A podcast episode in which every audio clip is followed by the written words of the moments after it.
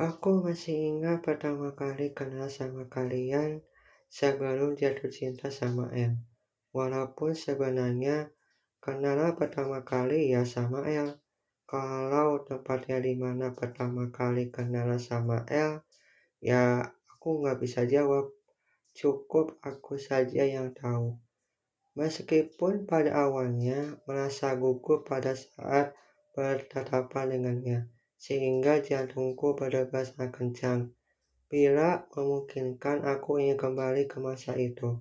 Bukan soal L doang, tapi teman lainnya banyak sekali kenangan. Bahkan, setiap ada tugas lab ataupun tugas lainnya, selalu mengerjakan di salah satu gedung, tapi aku nggak bisa jelaskan secara detail. Mungkin bakal penasaran setidaknya aku hanya bisa kasih tahu pakai kode.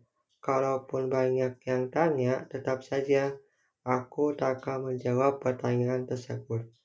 Oh iya, satu lagi, sekarang aku hanya bisa mengharapkan kalian semua sukses selalu dan sehat selalu. Meski pada akhirnya kita tidak pernah tahu kapan ketemu lagi. Mudah-mudahan saja ilmu yang sudah dipelajari di masa kuliah dapat berguna di masa depan.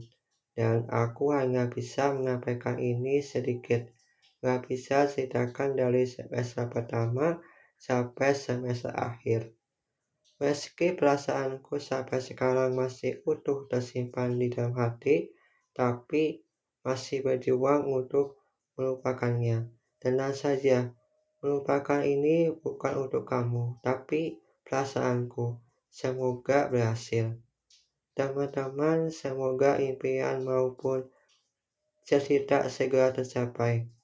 Sebenarnya, perasaanku sudah beralih ke seorang perempuan bernama S. Meskipun saat ini masih sahabatan dengannya. Setiap ku melangkah selalu teriang-iang wajahnya. Sudah berusaha melupakan ini semua, ternyata aku nggak bisa.